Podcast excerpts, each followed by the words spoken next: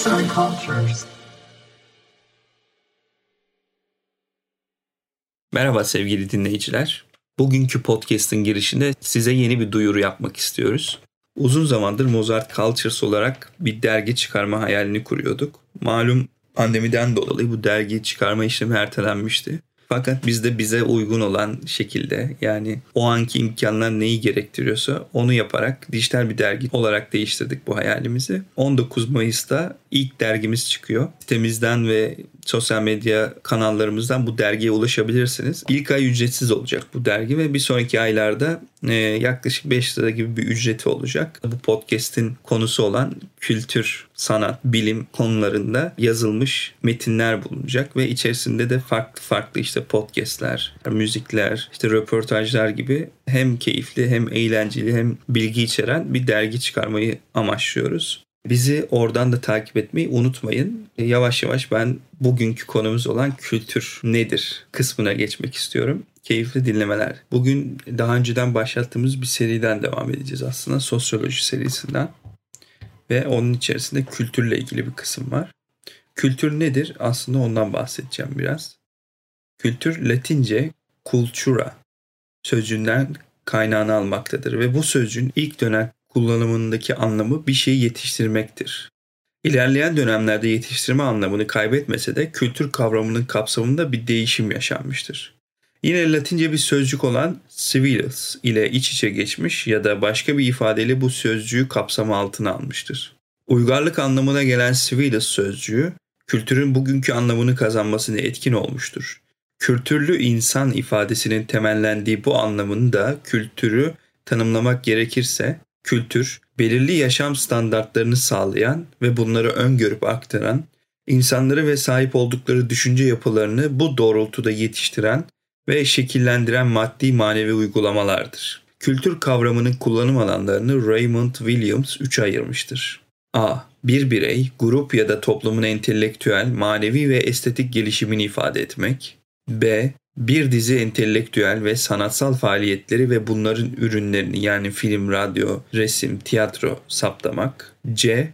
Bir insanın, grubun ya da toplumun yaşam biçiminin tümünü, faaliyetlerini, inançlarını ve göreneklerini belirtmek. Kültür kavramının tanımlanması ve açıklanması için gerekli olan diğer kavramlarsa topluluk ve toplumdur kültürün varlığından söz edebilmesi için birden fazla bireyin olması gerekmektedir. Tek bir bireyin varlığı söz konusuyken kültürün aktarım alanı gerçekleşemeyeceğinden bu durum sadece bireyin düşünsel yapısında oluşan ve burada kalan ifadelerin varlığı olarak ele alınabilir. Borsey'e göre kültür kavramının iki önemli tarihsel ekseni vardır. İlkine göre kültür nesnelerden, düşünce biçimlerinden ve davranışlarından oluşan bir kalıttır.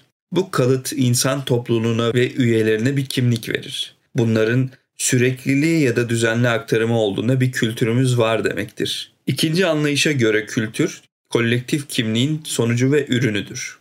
Bu noktada kültürün varlığı için üç temel alandan söz etmek tanımlama için gereklidir. Birinci alan düşünsel oluşum alanı. İkinci alan tecrübe etme, deneyimleme alanı. Üçüncü alan aktarma, yansıtma alanı. Ayrıca bu ifadeler için alan kavramı yerine süreç ve aşama kavramları da tercih edilebilir. Düşünsel oluşum alanı veya sürecinde bir durum, düşünce veya fikrin toplumsal alana uygun şekilde zihinde canlandırılması gerçekleşir. Hayat anlayışı veya dünya görüşü olarak adlandırabileceğimiz bu fikirsel oluşumlar dışarıya kabul ettirilmeye hazırlanan düşünsel yapı taşlarıdır. Tecrübe etme süreciyle beraber kişinin oluşturduğu dünya görüşü fikirsel alandan deneyimsel alana aktarılır.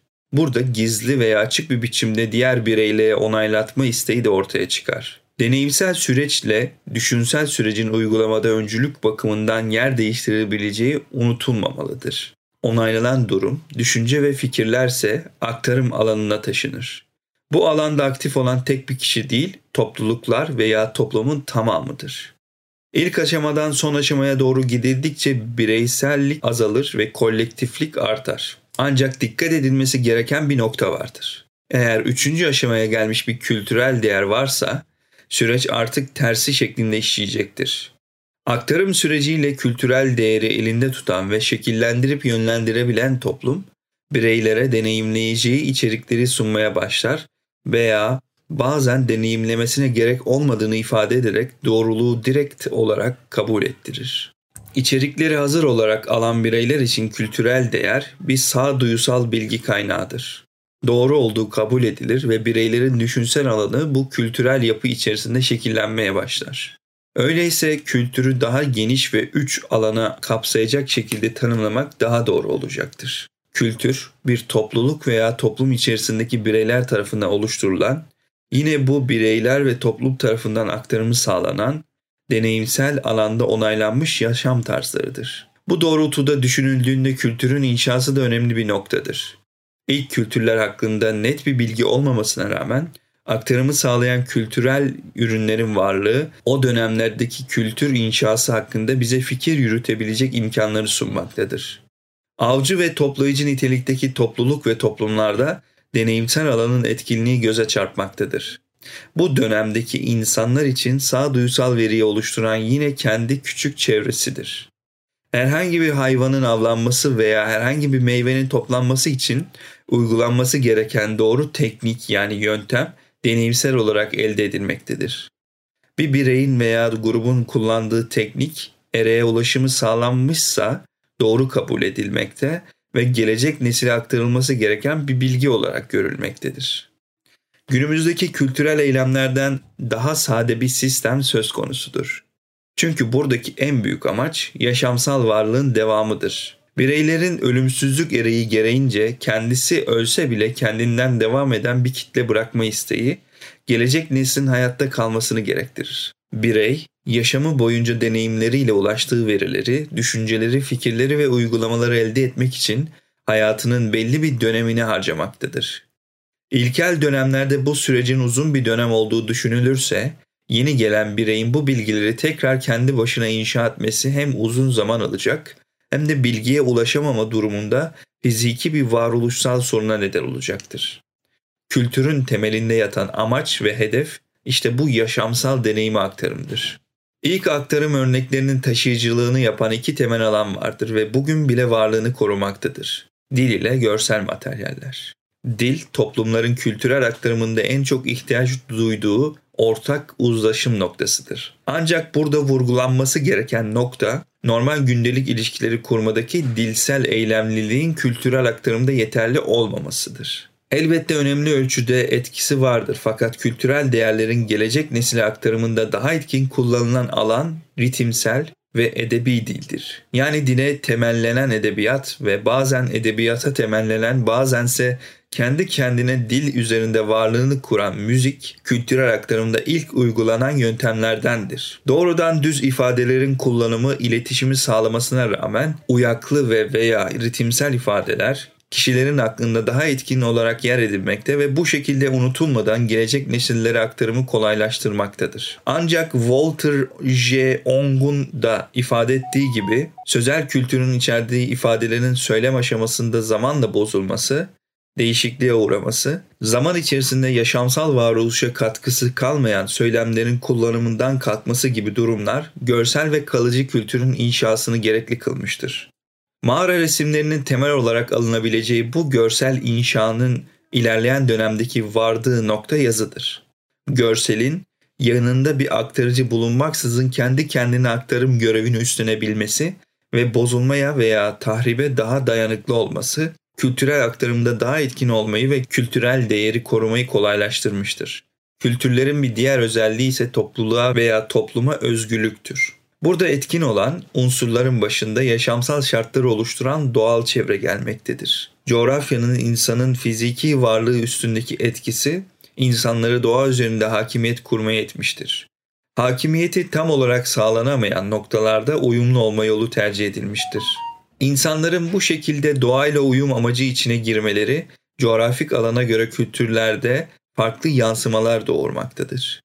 Kültürü etkileyen ve ondan etkilenen din hususunda bile coğrafik alanlar oldukça etkindir. Doğada kontrol edilemeyen varlıklar çoğu inanışta tanrısallaştırılmıştır. Hayvanlar, güneş, ay, deniz, doğal afetler ve ateş gibi tanrısallaştırılan şeylerin gelen dayanağı coğrafyadır. Eğer sürekli olarak deprem, fırtına, sel, yangın oluşan bir alanda yaşamaktaysa bunun kontrol edilemezliği onun tanrısal işaret sayılmasına neden olabilmektedir. İlkel dönemlerdeki şamanizm inanışında göze çarpan en büyük yansımalar da bunlardır. Toplumun fiziki varoluşunu sağlamak için dini lider olan şaman, insanları kültürün aktarıcısı olan ritimsel dil ile uyararak bu kontrol edilemeyen doğa olayından uzaklaştırır. Toplumların tarihsel geçmişleri de kültürün inşasında etkilidir. Birçok kültürün karşıt kültürü tespiti tarihsel geçmişe dayanır. Tarihsel süreçte savaşta karşıt tarafta bulunmuş iki toplum için kültürün inşasında karşı tarafı öteki olarak inşa eden içerikler meydana getirilir. Tarihin en büyük temeli olan egoyu koruma içgüdüsü toplumsal egonun inşasıyla birlikte iki taraflı değer çatışmasına dönüşür. Bütün bunlarda göz önüne alındığında kültür tanımına toplumsal ve yaşamsal dinamikleri de eklemek gerekecektir. Bu doğrultuda kültür bir topluluk veya toplum içerisindeki bireyler tarafından yaşamsal ve toplumsal dinamiklere dayanılarak oluşturulan, yine bu bireyler ve toplum tarafından aktarımı sağlanan, deneyimsel alanda onaylanmış ve uygulanması doğru kabul edilen veya gerekli görülen yaşam tarzıdır. Kültürün inşası alanındaki görüşlerin değişimine sebep olan erk için kültür yaratımı veya şekillendirilmesinin ortaya çıkışıyla kültürel kuramların en çok üzerinde durduğu alanın varlığı söz konusu olmaya başlamıştır. Peki kültür toplum tarafından mı yoksa toplumu yönetenler tarafından mı inşa edilmektedir? İki temel görüş mevcuttur. Kültür, toplumun kendi dinamikleriyle kurguladığı içeriklerdir.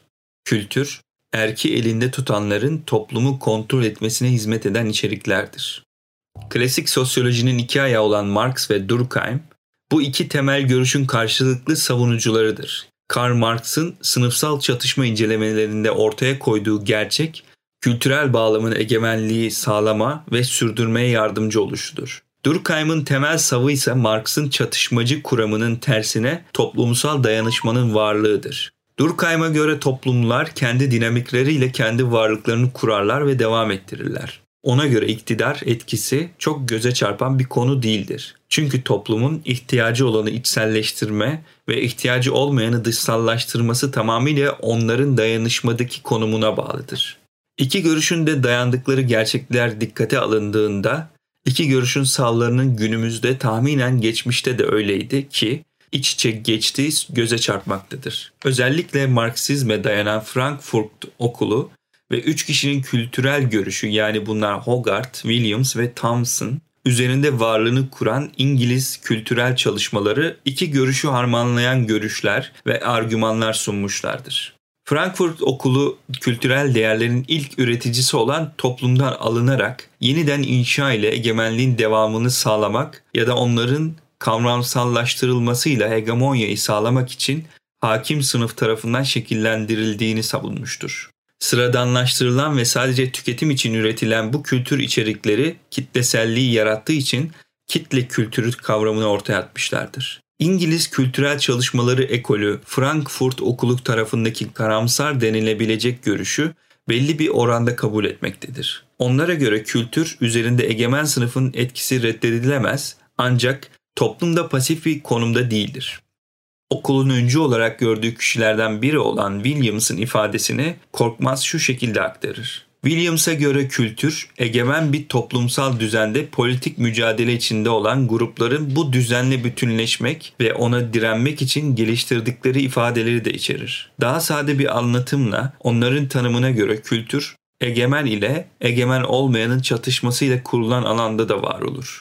Bütün bu veriler ışığında kültürün eski toplumlardaki tanımının günümüz için yetersiz kaldığını söylemek ve onu yeniden tanımlamak durumundayız. Tanıma Marx'ın iktisadi görüşlerini, Durkheim'in dayanışması görüşlerini, Frankfurt Okulu'nun hegemonik görüşlerini ve İngiliz kültürel çalışmaları ekolünün etkin birey görüşlerini dahil etmemiz gerekmektedir. Öyleyse kültür bir topluluk veya topluma dahil olan bireyler tarafından deneyimsel alanda oluşturulan, yine aynı topluluk veya toplum tarafından aktarımı sağlanan, iktisadi, siyasi ve kurumsal kabulü sağlayan, karşıt olan yani ötekiden ayrılarak özgürlük kazanan toplumsal çatışma ve dayanışma temeli üzerinde yükselen ve yeniden şekillendirilebilen, dinamik bir yapıya sahip olan yaşam tarzı biçimleri ya da diğer bir deyişle dünya görüşleridir. Bu tanımın zaman içerisinde güncellenmesi gerekebileceği de unutulmamalıdır.